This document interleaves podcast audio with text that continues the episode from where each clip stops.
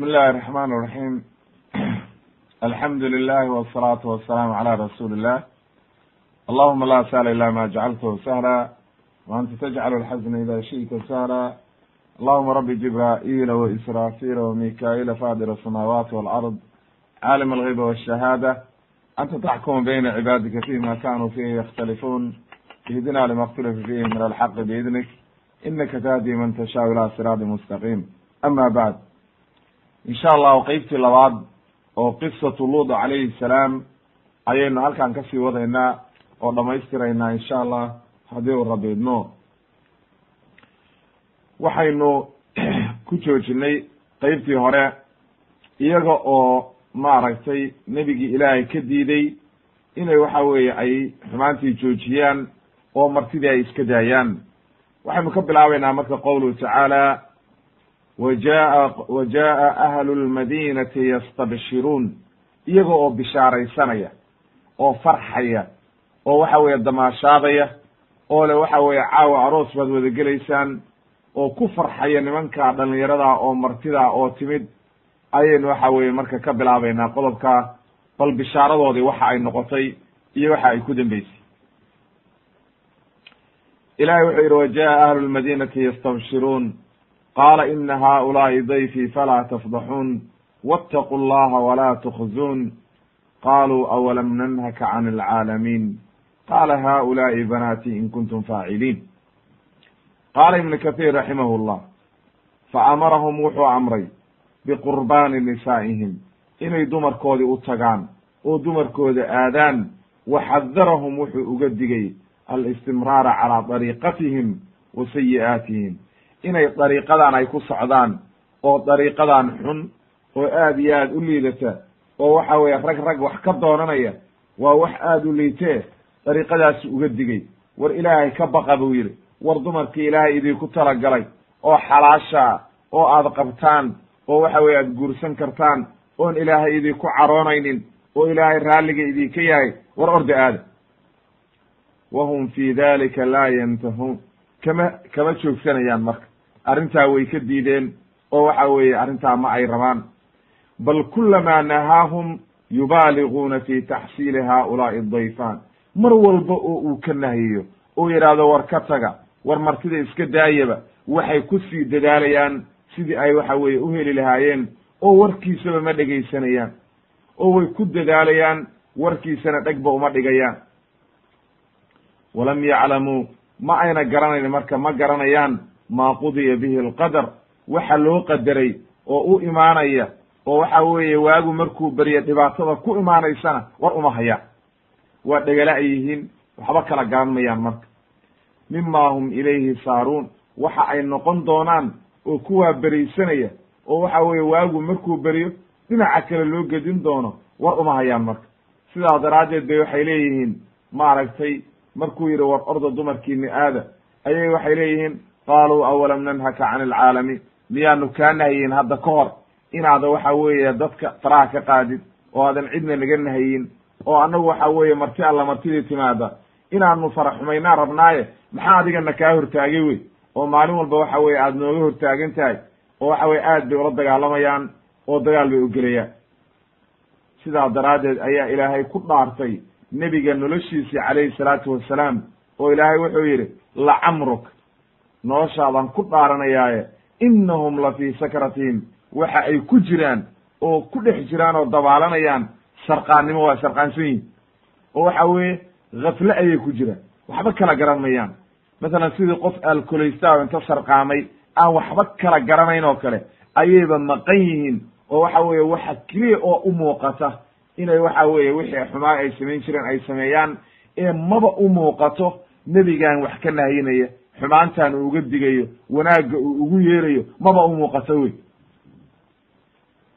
Haddaba halkaa waxay nooga caddaatay marka haddii qofka maskaxdiisu bedelanto oo qofka dabeecaddiisa iyo dhaqankiisa u bedelmo caadadiisi ay bedelanto iimaanka ilaahay ka qaado shaydaan uu duubsado xaq walba oo loogu yeero iyo wax walba oo loo sheego inaynan gelaynin ee u muuqato keliya xumaantii uu waxa weeye shaydaanku baray oo uu raalliga ka ahaa inuu helo keliya ayaa u muuqata. Wax kaloo u muuqda ma jiraan wey.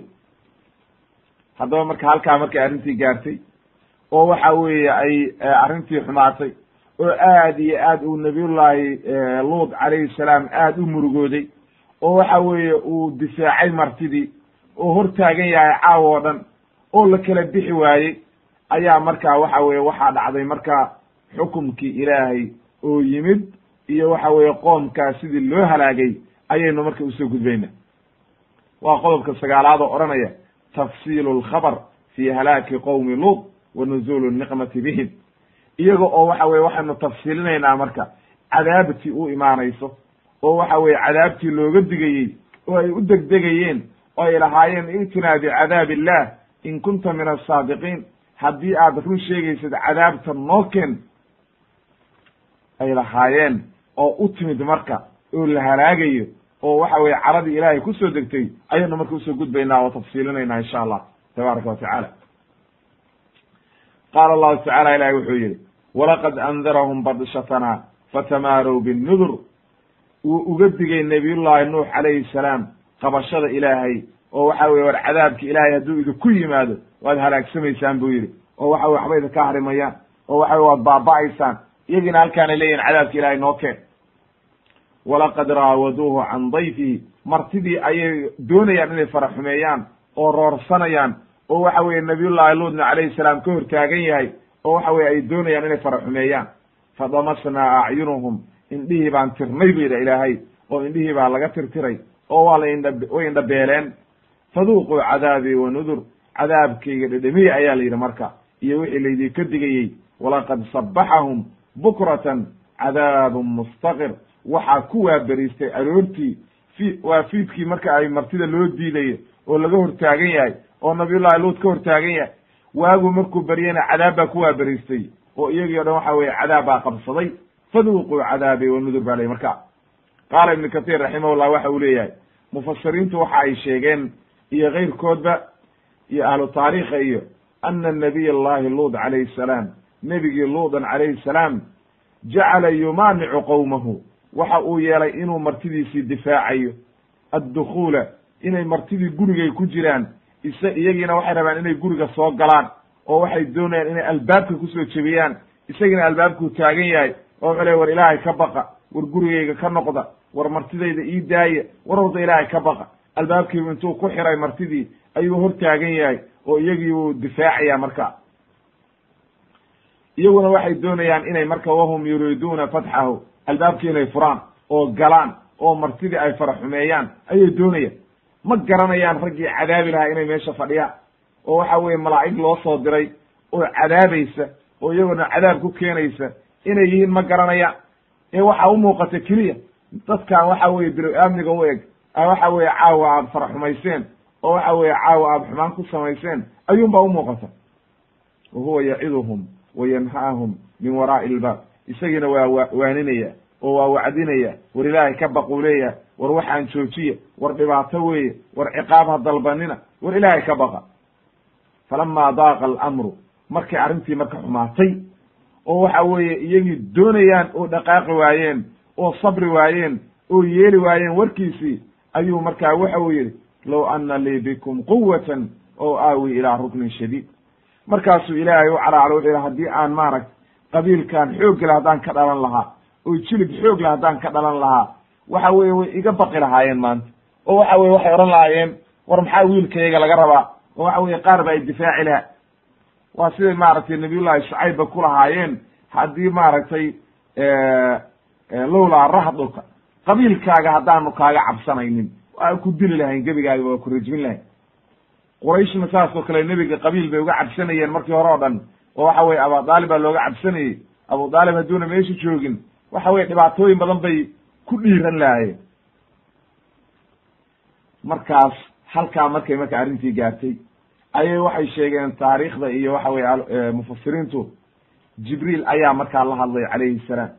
Jibriil ayaa wuxuu ku yidhi yaa luudu luudow waxa weye annagu waxaa nahay rusul ilaahay kuu soo diray. Oo waxa weeye rasul laguu soo diray baa nahay.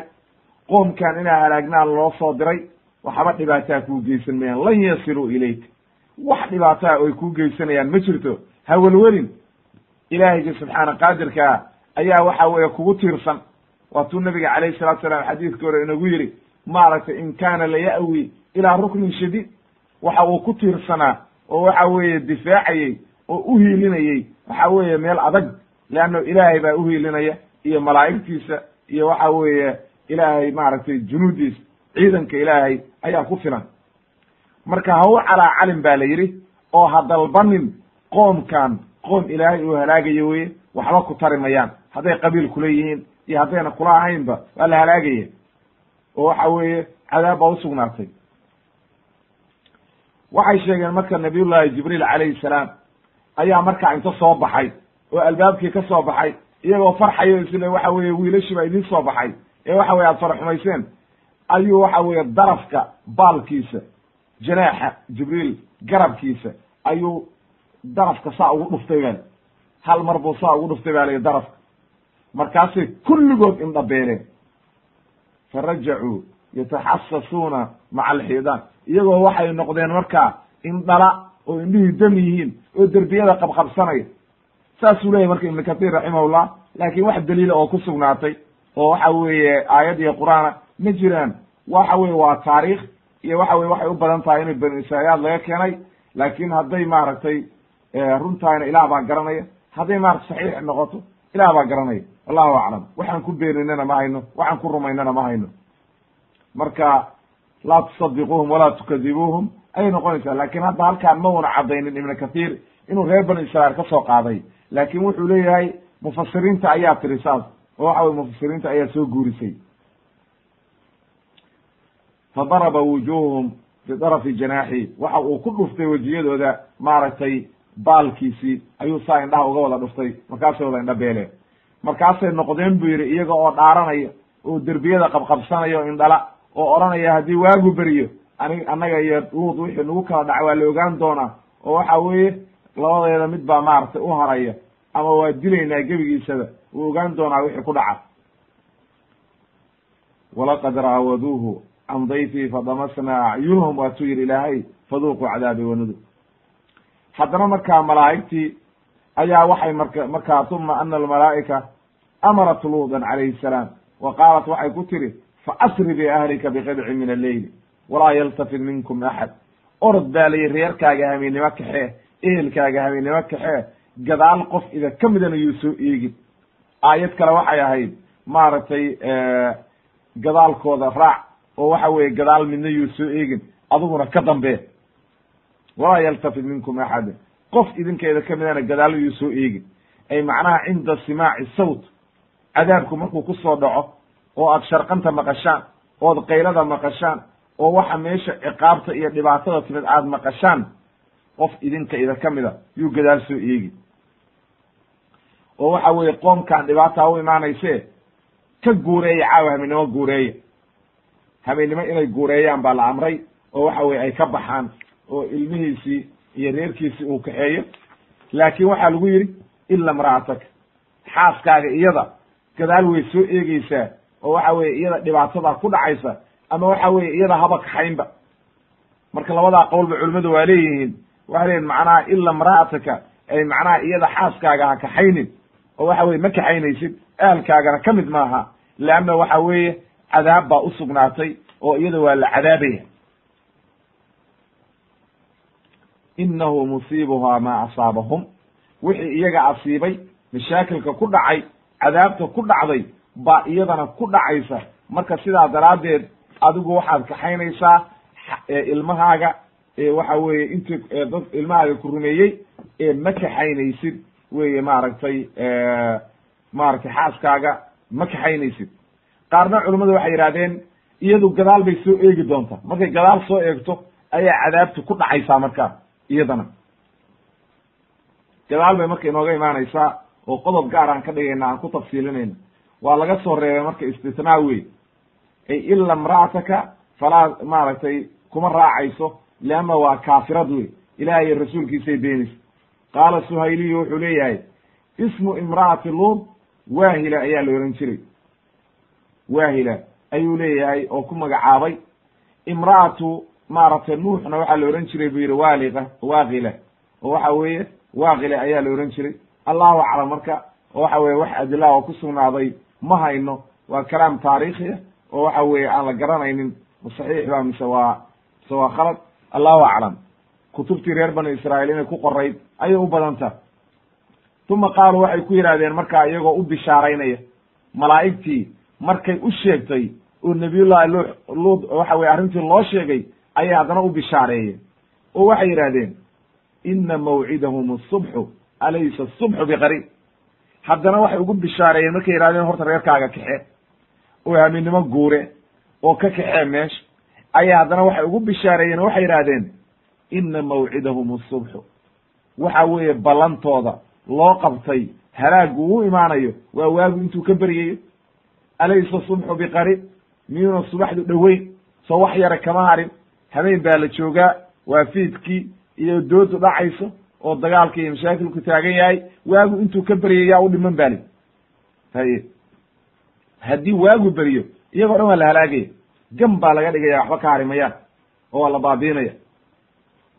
Wuxuu yihi ibnu kathir raximahullah falama kharaja luutun calayhi salaam biahlihi wahum ibnataah waa labadiisii gabdhood buu yihi waxaa la sheegay oo taariikhda ay qorayaan laba gabdhood inuu lahaa xilligaa ee waxa weye carruur kale una meesha joogin oo wax kale ayna u joogin iyo ahal kale midna inayna u joogin.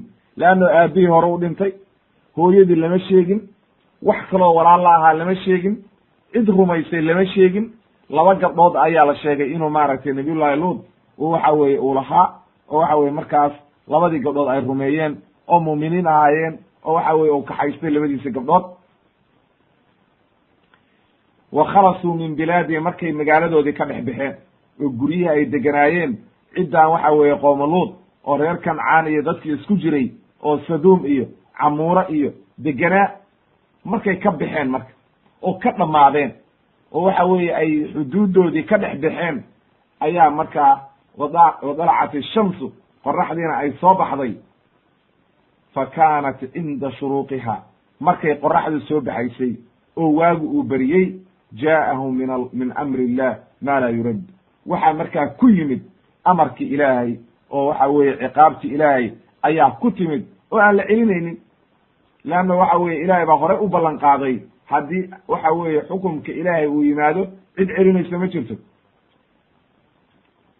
wa min ba'sin shadiid maa laa yumkinu an yusad iyo waxa weeye cadaab aad u adag oo xun oo balaaya oo dhibaateeyey oo mashaakil ku sameeyey oo aan la celinaynin oo wax u dulqaadan kara jirin sidaa daraaddeed bu ilaahay waxa uu yidhi walama jaa'a amruna jacalnaa caaliyaha saafilaha wa amdarna calayhim xijaarata min sijiilin manduud musawamatan cinda rabbika wama hiya min alظaalimiina bibaciid fi suurati huod ibnu kahiir waxa uu leeyahay raximahullah waxay yidhaahdeen buu yidhi ahlu taariikhu. Jibriil ayaa wuxuu sameeyey garabkiisa inta ku qaaday baalasha jibriil ayuu intuu baalkiisa ku qaaday iyagii oo dhan say u dhamaayeen. Waxaa la yidhi toddoba magaalay ahaayeen qaar waxay yidhahdeen afar magaalay ahaayeen dadkuna aad bay u fara badnaayeen. Waxaa la leeyahay taariikhda ay ku keenayaan inay ahaayeen dad aad u fara badan ilaa afar boqol oo kun. Qaar waxay leeyihiin aad bay u badnaayeen oo waa ka badnaayeen afar boqol oo kun qaar waxay leeyihiin afar kun bay ahaayeen dadku aad bay u fara leanna waa qabiilo dhan oo meel deganayd oo afar magaalo ama toddoba magaalo oo waxa weye kala yar yar saduun baa ugu weynayd ba la yidhi iyo camuuriye iyo magaalooyinkaas. Laakiin waxa weeye dad badan bay ahaayeen. Ummad dhan oo meel degan oo qoom dhamay ahaayeen. Waxaa la yidhi intuu garabka hoos ka geliyey ayuu isaga iyagii iyo dhulkoodii guryahoodii wax alla waxay haysteen iyagii oo dhan buu kor u qaado markuu samada u dhoweeyey ba li wuxuu leeyay marka ibnu kathiir markuu daruuraha la simay oo ay malaa'igta samada jooga ay codkoodii iyo kayradoodii ay maqlayaan ayuu soo afgembiyey. Oo waxa weeye uu soo afgembiyey markaa markaasay waxa weeye soo daateen marka. Marka waa la afgembiyey oo awal intii sarraysay oo waxa weeye dadkii iyo dhulkii ku soconayey iyo guryihii awal kor ka saaraa dhulka ayaa hoos maray marka. Afgembe baa laga dhigay. Sidaa daraaddeed ayaa marka qowluhu tacaala uu noqonayaa ba la yidhi jacalnaa caaliyaha saafilaha intii korraysay baan hoos marin. Waa la afgembiyey marka. Wuxuu leeyahay mujaahid raximahullah. Imaamu mujaahid wuxuu leeyahay waxa ugu soo horreeyey oo waxa weeye ugu hoos maray markii dambena dadkii madaxda ahaa nimankii mala ahaa oo xumaanta samayn jiray ayaa ugu soo hormaray oo waxa weeye ugu hoos maray markaa cadaabtii ugu hormaray marka. Markaasuu haddana ilaahay waxa uu yidhi wa amdarnaa calayhim xijaaratan min sijiil ay macnaha waxa haddana lagu soo daadiyey markii la afgembiyey ayaa waxaa lagu soo daadiyey dhagxan marka. Sijiilku marka asalkiisu waxa weeye ba la yidhi waa kelimad farisiya laakiin la carabeeyey. Oo asalkeedu waxa weeye ashadiid sulbi alqawiy wa waxa weeye dhagaxa adag oo waxa weeye sisibta oo adag ayaa la yidhahdaa maaragtay sijiil oo farisi bay kelmaddu ahayd ba la yidhi carabta isticmaashay waa carabowday markaa. Sidaa daraaddeed bu ilah leeyahay wa amdarna calayhim xijaaratan min sijiilin manduudin. Ay macnaha yatbacu bacduhaa bacdan manduudin ay isdaba jooga oo waxa weeye qaarba qaarka kale soo raac raacayo oo waxa weeye sidii roobkii oo kale iska soo dabada-aya. Inna lilahi wa inna ilayhi raajicuun. Ilaahu rabbi waxaasoo kale hanugu keenin.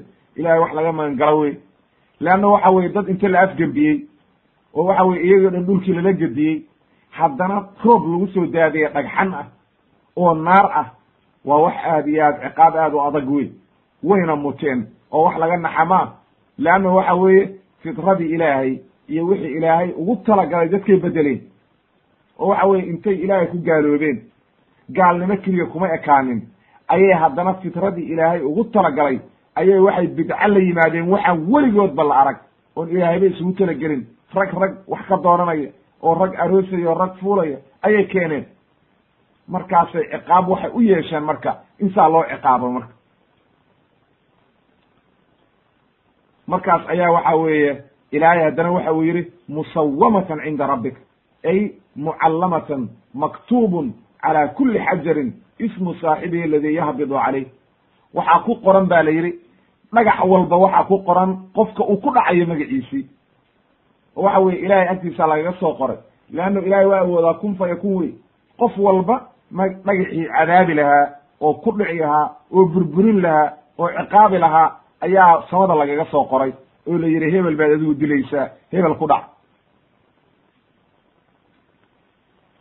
Wakhatama allahu ilahay wuxuu ku khatimay marka wa amdarnaa calayhim xija wa amdarnaa calayhim madara fasaaa madaru lmundariin madar roob waa roob dhagxana roob caadiya ma aha roob dhagxana ayaa lagu soo daadiyey.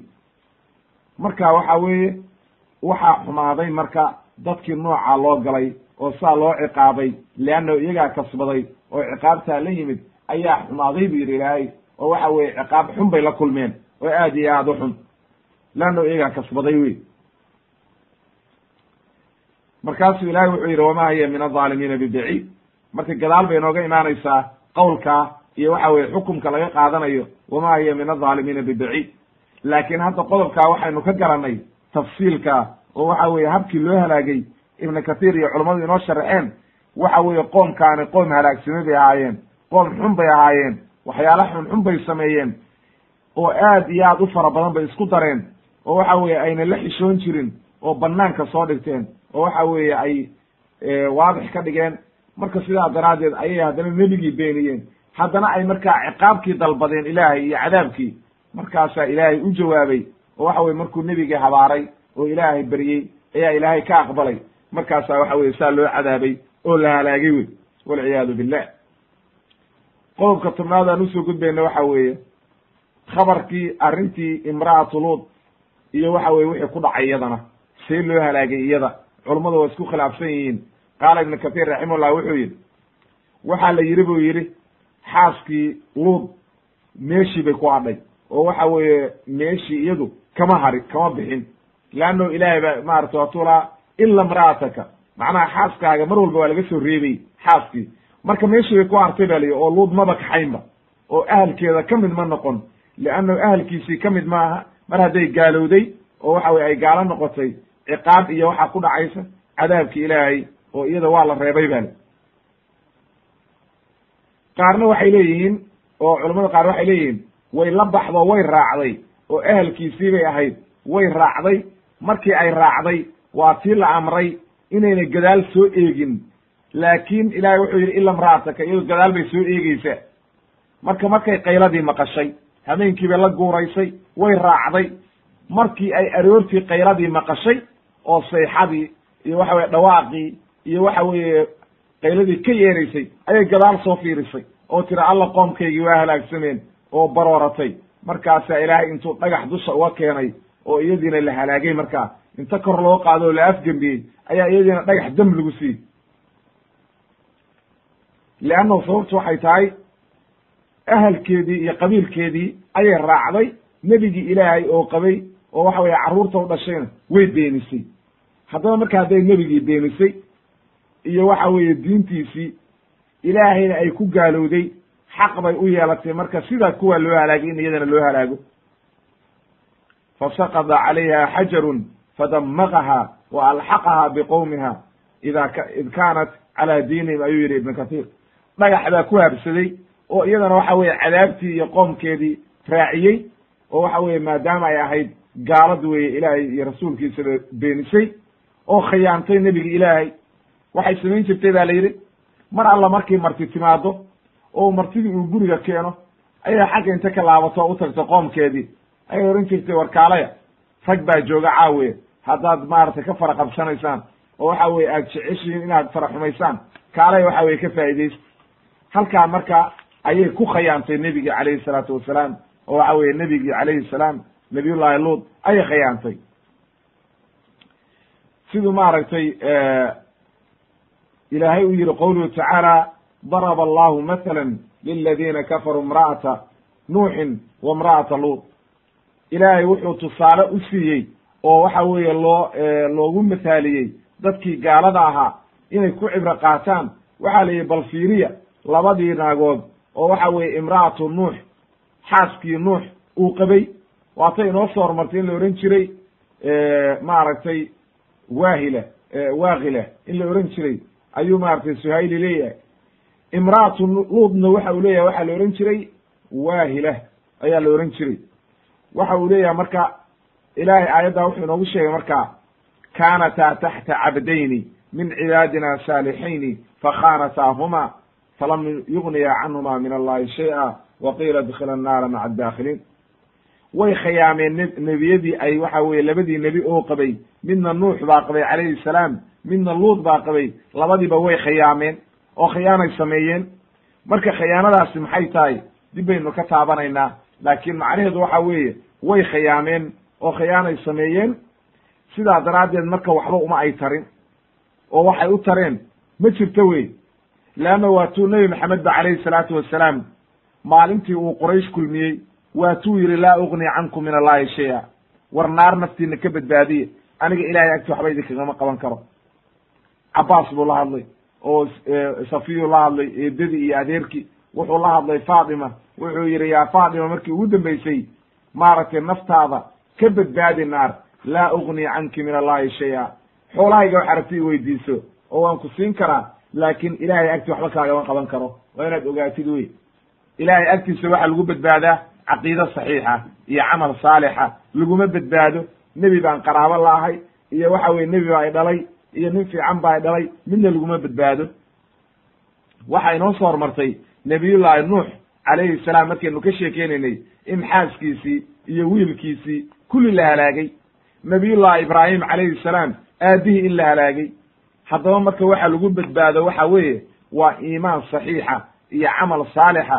Ee laguma badbaado waxa weeye qaraabaan laahay dad fiican baan ka dhashay ehel fiican baan leeyahay. Midna lagu badbaadi mayo ilaahay agti ee waxaa loo baahan yahay qofku inuu ku dadaalo seebaad ula timaadaa caqiido saxiixa iyo camal saalixa. Taa un baa waxa weye muhiim jiddana inuu qofku aad iyo aad ugu dadaalo.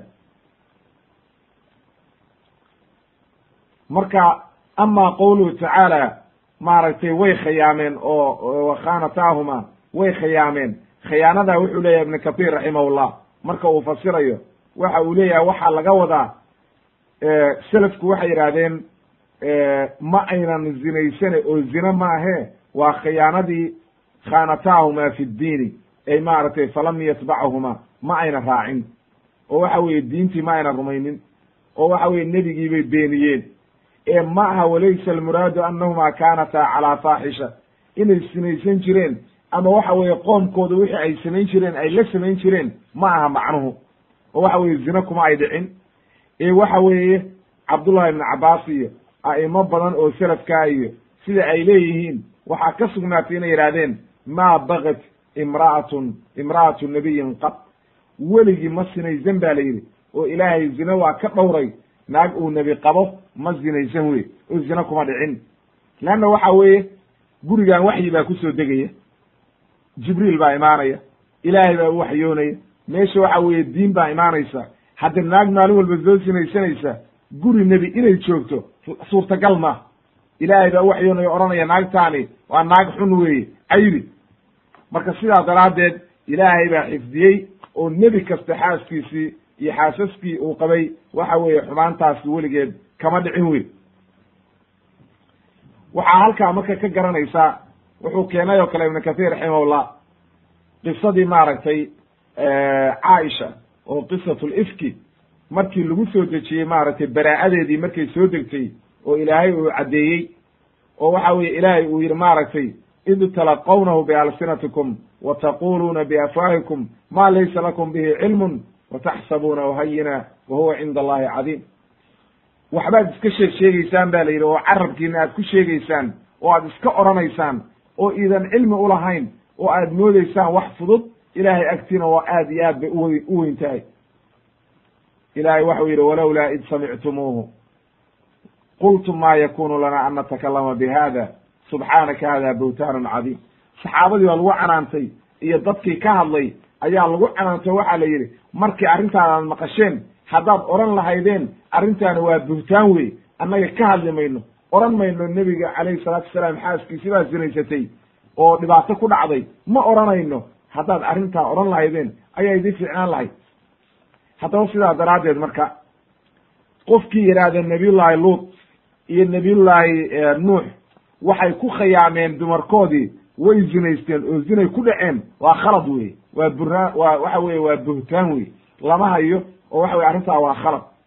Marka sidaas saxaabadu ay leeyihiin cabdullahi ibnu cabbaas iyo iyo rag kaleba nebi kasta oo nebiyadii ka mida xaas uu qabay weligeed ma sinaysan taa ayaa saxiixa oo aynu qaadanaynaa oo u dhow waxa weeye aadaabta iyo waxa weeye xifdiga ilaahay uu xifdinayo maaragtay nebiyadii iyo waxa weeye guryahoodii uu dahirayo.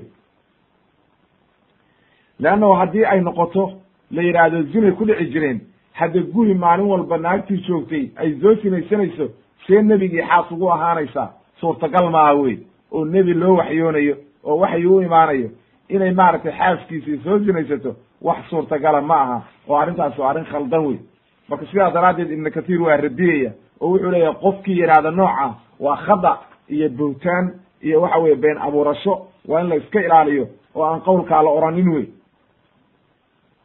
haddaba halkaa marka imra'atu luud calayhi salaam oo magaceedii la yidhi waahilaa la ohan jiray halaagaasaa ku dhacay qoomkeedii bayna raacday aakhire iyo waxa weeye adduunba iyagii bay raacday. Adduunkana waxa weeye iyagay la caqiide ahay oo la diinahay oo shirki kula jirtay oo xumaanta kula jirtay oo waxa weye xumaantooday raalli ka ahay kabacdina markii halaagii yimid waa lala halaagay qabrigana waa kula jirtaayo waa la cadaab cadaabtaasay ku jirtaa oo ilaahay wuxuu yihi mar walba waxay noqonaysaa min alghaabiriin ay min albaaqiina fi cadaab illah cadaabta kuwa ku waaraya oo waxa weye la cadaabayo ayay ka mid noqonaysa. Haddana waxa weye aakhirada naartay la gelaysa. Taasi marka macnaheedu ma aha inay nebiyullahi luud calayhi salaam wax u dhimayso. Nebiyullahi luud calayhi salaam waa nebi ilaahay soo diray. Oo waxa weeye rususha ilaahay buu ka mid yahay. Oo ilaahay baa diray. Oo ilaahay baa sharfay. Waa ahlu janno weye wanaag buu gaaraya waxa weeye naagtan iyadaa nafteeda halaagtee waxay u dhimaysa ma jirto wey. Waatuu ilaahay inoogu tusaaleeyey. Markuu labadaa tusaalaha ka dhigay haddana markaa ilaahay mu'miniintiina oo u tusaaleeyey imra'ata fircoon. Waxa weeye xaaskii uu fircoon qabay ninkii rububiyada sheegtay oo yidhi anaa rabbukum alacla anaa rabbigiinii weynaa oo sarreeyey waa aniga yidhi.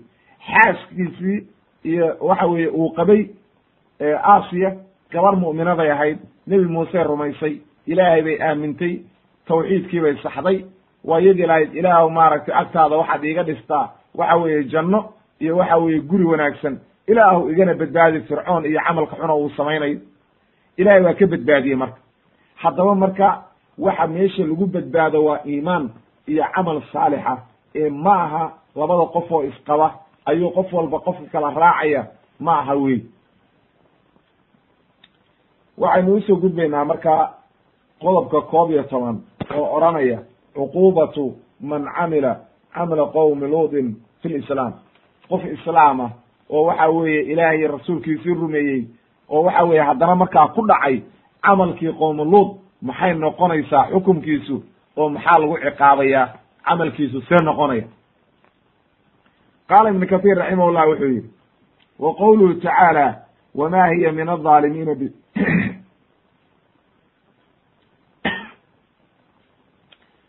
qowluhu tacaala wama hiya min alظaalimiina bibaciid qowlkaasi waxay leeyihiin culummadu ay wama hadihi alcuquuba cuquubadan ku dhacday reer qoomuluud kama ay foga qof alla qofkii ficilkaa la yimaada in saa loo cadaabo oo waxa weye isagana wuxuu xaq u leeyahay in noocaasoo kale loo cadaabo ayuu leeyahay. Ibna kahiir raximahullah saa ayuu ku fasiraya culamo badanna saasay ku fasireen. Ee macnaha waxaa loo jeedaa bay yidhahdeen wama hiya min alظaalimiina bibaciid ay macnaha qofkii camalkoodii la yimaada cuquubadaa ku dhacday. Sida inta kor loogu qaaday la soo afgembiyey dhagaxna lagu dilay naar ah ayaa qof alla qofkii camalkoodii oo dhan camalkoodii la yimaada saasaa lagu dilayaa buyi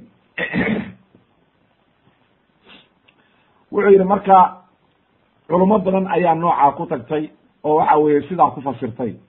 Oo waxay yidhaahdeen qof alla qofkii liwaadkii la yimaada oo waxa weeye nin ninkii nin u taga ama ninkii naa gadaal uga taga oo labaduba waa isku mid wey qof alla qofkii daba wax ka doonta waxaa lagu rajminayaa waa la rajminaya sawaaun kaana muxsinan aw laa. Ama muxsin ha aado hore ha u soo guursado ama bikra ha noqdo weliga yuu guursan mar walba waa la rajminayaa oo waa la dilaya marka imaamu shaafici iyo imaamu axmed iyo culamo badan oo kale waxay yidhahdeen waa la rajminaya oo dhagax baa lagu dilayaa waxa weye inta la soo qabto ayaa dhagax lagu dilaya. Maxay deliishadeen? Waxay deliishadeen qowlkii nebiga calayhi salaatu wasalaam cabdullahi ibni cabaas laga wariyey. Waxa uu yidhi nebigu wuxuu yidhi man wajadtumuuhu qofkii aad heshaan yacmalu samaynaya camala qowmi luudin camalkii qowmi luud qofkii samaynaya oo aad aragtaan faqtulu lfaacila walmafcuula bihi. Faqtuluu dila alfaacila kii ficilka sameeyey oo ninka ninka u tegay dila kii lagu sameeyo naagta laga dhigtayna dila labadiiba dila see loo dilayaa marka culummadu waxay yidhahdeen habkaasaa loo dilaya. Xadiidkaas waa xadiis saxiixa sheikh albani baa ku saxiixiyey fi irwa alqaliil laba kun iyo saddex boqol iyo konton iyo saxiix aljaamic lix kun iyo shan boqol sideetan iyo sagaal. Laba nooc bay marka culummadu ugu kala tageen. Qaar waxay yidhaahdeen waa la rajminaya oo dhagax baa lagu dilaya. Waa sidaa aynu niri imaamu shaafici iyo imaamu axmed iyo ayaa ku tegey waxay yidhahdeen dhagax baa lagu dilaya. Laakiin abu xaniifa iyo culamo kaloo raacday waxay yidhahdeen qowlkii cabdullahi ibni cabaas iyo ayay soo qaateen oo waxay yidhahdeen waxaa la eegayaa guriga guryaha ugu dheer ama buurta buuraha ugu dheer ayaa laga soo tuuraya. Leanno hadda ma awoodno inagu inaynu dhulka inta kor u qaadno la soo afgembina bay yidhahdeen ma awoodi karno maxaa marka samaynaynaa buurta buuraha ugu dheer ama guriga guriga ugu dheer ayaa magaalada la eegayaa sarta ugu dheer oo dabaka ugu dheer guryaha ayaa laga soo tuuraya. Ama waxaa laga soo tuurayaa buurta buuraha ugu dheer.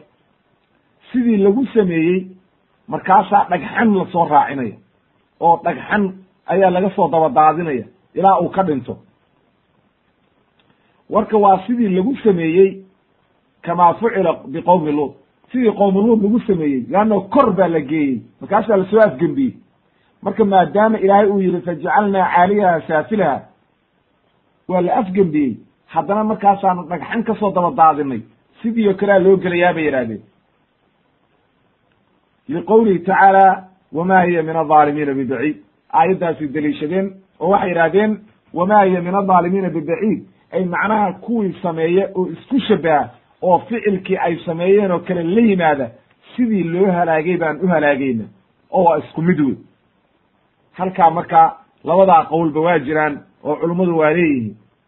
Marka labadaba si kastaa loo dile diinta islaamku waxay qabtaa oo waxa weeye qofkii muslima oo ficilkaa la yimaada oo toobad keenin oo maxkamaddu soo qabato waa la dilay.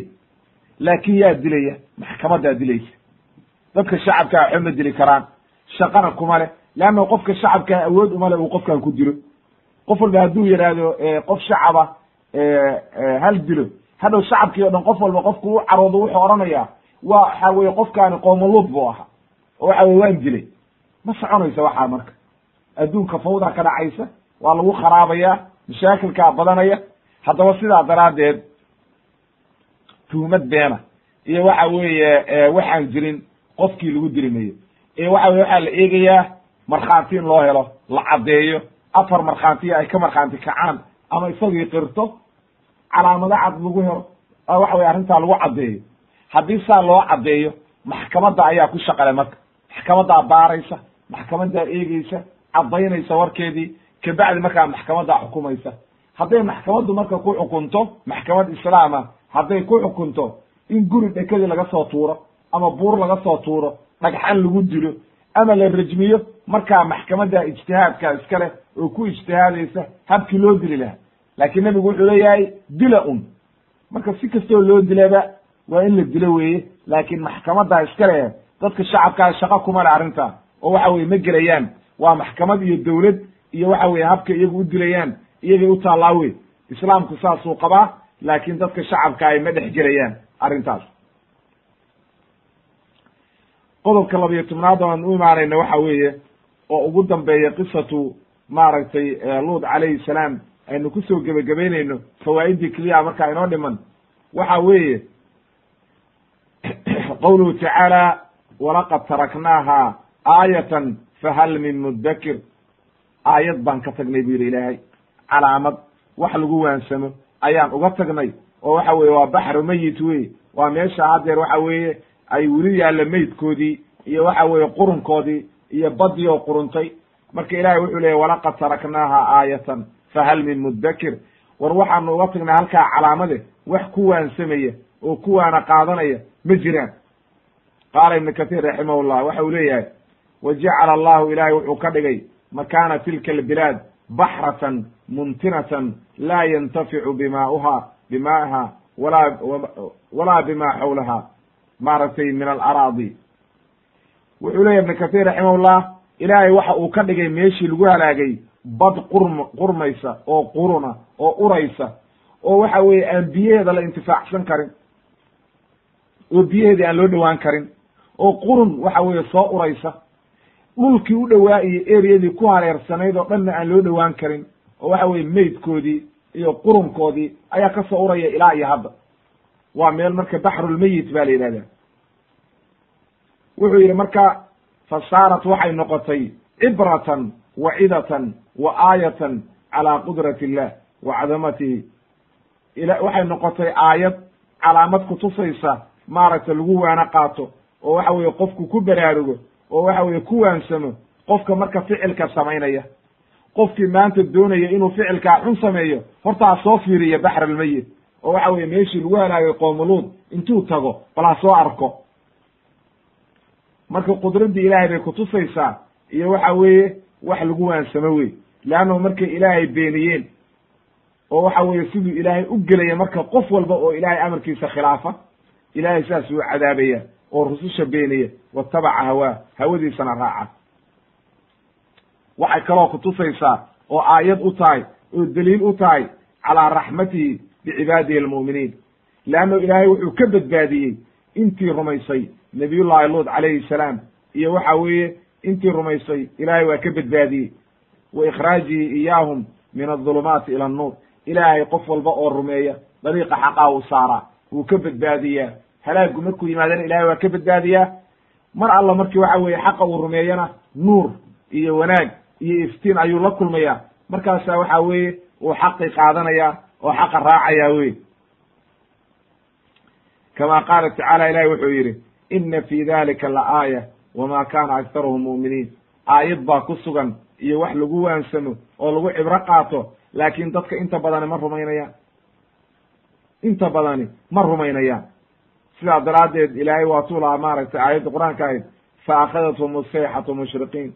Fajacalnaa caaliyaha saafiraha wa calayhim xijaarata min sijiil ina fi dalika la aayaatin lilmutawasimiin waxaa arrintaa ku sugan oo qofkii doonaya inuu ku cibro qaato mutawasim waxaa la yidhahdaa ay macnaha qofka arrinta u eegaya si maaragtay dhab ah oo ku waana qaadanaya oo ku fekeraya oo aad iyo aad arrinta uga fekeraya marka qofkii doonaya inuu cibro qaato oo ku waansamo arrintan waxaa ku sugan qisatu qowmi luud waxaa ku sugan wax lagu cibro qaato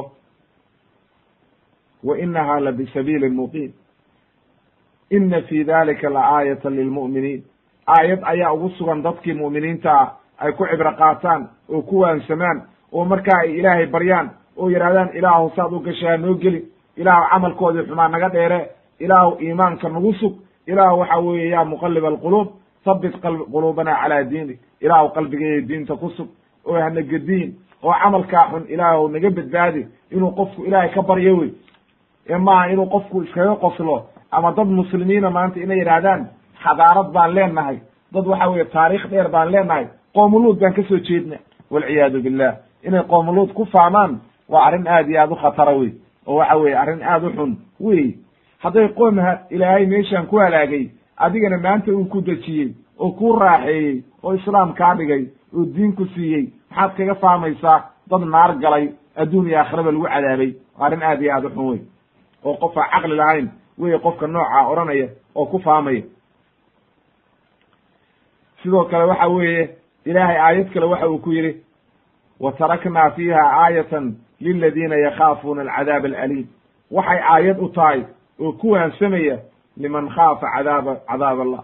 Cadaabta ilaahay qofkii ka cabsada oo aakhiro rumaysan oo og in la dhimanayo oo aakhiro laysa soo saarayo ayaa arrintaani ka cabsanaya oo waxay u tahay aayad uu ku waansamo oo ku waana qaato. Wa khaafa maqaama rabbi oo ka cabsanaya biri markuu ilaahay yimaado hortiisa. Waatuu ilahay laha waliman khaafa maqaama rabbihi jannataan. Qofkii ilaahay ka cabsada oo waxa weeye ku xisaabtama inuu biri dhimanayo ilaahay la horgeynayo haddaba waxa uu leeyahay aakhiro janno iyo wanaag adduunkana waxa uu leeyahay nicmo iyo wanaag. Laakiin marka qofkii aan cabsanaynin oo aan ku xisaabtamaynin taa hadda halaag baa usugnaaday ha ogaado. Mashaakil iyo dhibaato dhan buu la kulmayaa waa inuu ogaadaa. Qofkii marka naftiisa ka naayaya xumaanta iyo mashaakilka oo waxa weeye naftiisa la dagaalama oo maxaarimta ilahay iyo waxyaalihii ilaahay xarimay banaanka ka mara hadda qofkaa ilaahay aakhiro waa badbaadinaya adduunkana waa badbaadinaya aakhirana ilaahay waa badbaadinaya oo jannuu geynaya amaa qofkii naftiisa raaca iyo hawadiisa iyo shaydaan oo waxa weeye shaydaan iska raaca. Haddi markaa halaag baa usugnaaday oo shaydaan hadduu ku duufsado hadda waa ku duufsaday wey waana tuu dhaartay oo yidhi meel walba waan uga imaanaya. La aqcudana lahum siraadaka almustaqiim uma la aatiyanahum min bayni aydihim wa min khalfihim wa can aymaanihim wa can shamaa'ilihim walaa tajidu aktarahum shaakiriin. Wuu dhaartay ballan buu qaaday inaan baabiinayo duriyatu aadam oo aan halaagayo oo aan jidka toosan ka leexinayo oo aan naar ku gurayo oo aan kulli kaxaysanayo ayaan ballan qaadayaa buyi oo maxaad samaynaysaa? Horay iyo gadaal midig iyo bidix meel walba inta uga imaado oo u qurxiyo oo u ziineeyo acmaashii xumaa. Leanna waa saynu hadda soo sheegnay waxay leeyihiin mufasiriintu nimankaani markay ficilkaan xun samaynayeen shaydaan baa inta isku soo qurxiyey oo dhalinyaro qurqurxa badan oo iska soo dhigay wiilal yar yara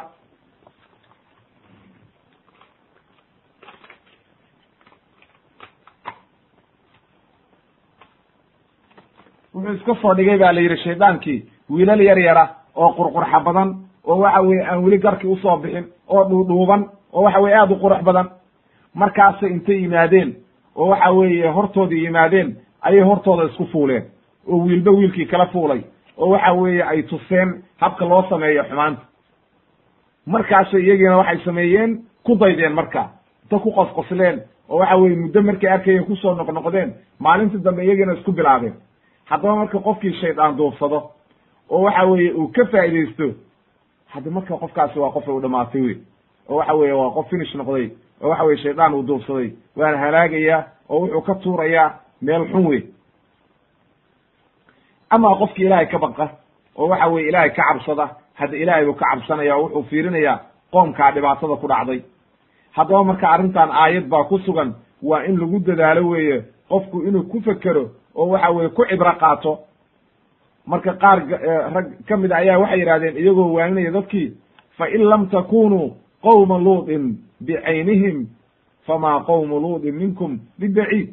Haddiidan idinku qowma luud laftigoodii ahayn oo waktigoodii aad ka dambaysaan oo iyagii iidan ahayn iyagiina la halaagay laakiin qowma luud ida kama foga.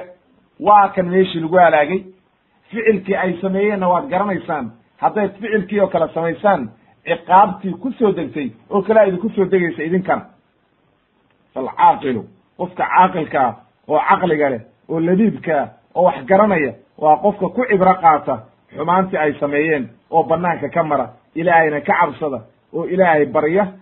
Ilaahayna waxaa waxa weeye qofka cabsiduna waxa weeye imtithaalu amrillah amarka ilahay inaad qaadatid oo waxa weeye aad banaanka ka martid wax alla wixii lagaa nahiyey aad banaanka ka martid. Nebi maxamedna aad raacdid calayhi salaatu wassalaam kitaabka iyo sunnahana aad ku dhaqantid jidkii dariiqa xaqa ahaa kaa weeye. Aadna waxa weeye ku kalsoonaatid oo waxa weeye ilaahay wixii uu ku khalqay dumarkii xalaasha ahaa oo wanaagsanaa oo nadiifka ahaa oo ilaahay kuugu talagalay inaad u tegtid oo aad guursatid. Oo aadan zine ka doonan aadan xumaanna doonan aadan ragna hunguriyeyn oo waxa weeye waxaan lagugu talagelin aadan hunguriyeyn shaydaanna aadan raacin. Haddaad laakiin shaydaan raacdid oo waxa weeye markaas aad tiraahid anigu shaydaan baan raacaya. Fa yaxiqu calayhi alwaciid.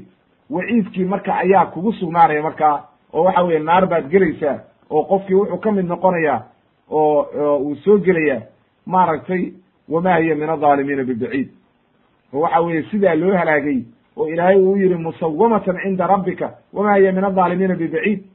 Ayaad soo gelaysaa markaa oo waxa weeye qofkii ciqaabtaas lagu halaagay iyagii ayaa ku dhacaysa markaa wey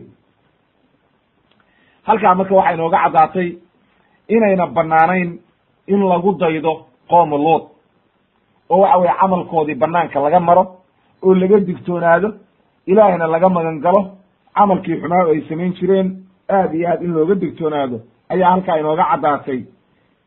Qowluhu tacaalana waa inoo caddaaday maaragtay walaqad taraknaa aayatan fahal min mudakir waa in lagu waansamo oo lagu waano qaato dhibaatadii ku dhacday iyo mashaakilkii iyo halaagii in lagu waano qaato weye ee waa inaan la oranin waxa weye dadkaa waa la halaagay annaga maxaa naga galay annagana waxaan rabnaan samaynaynaa oo ficil xun aan lala imaan ayaa loo baahan yahay. Qof walba inuu ku waana qaato weye ilaahayna laga cabsado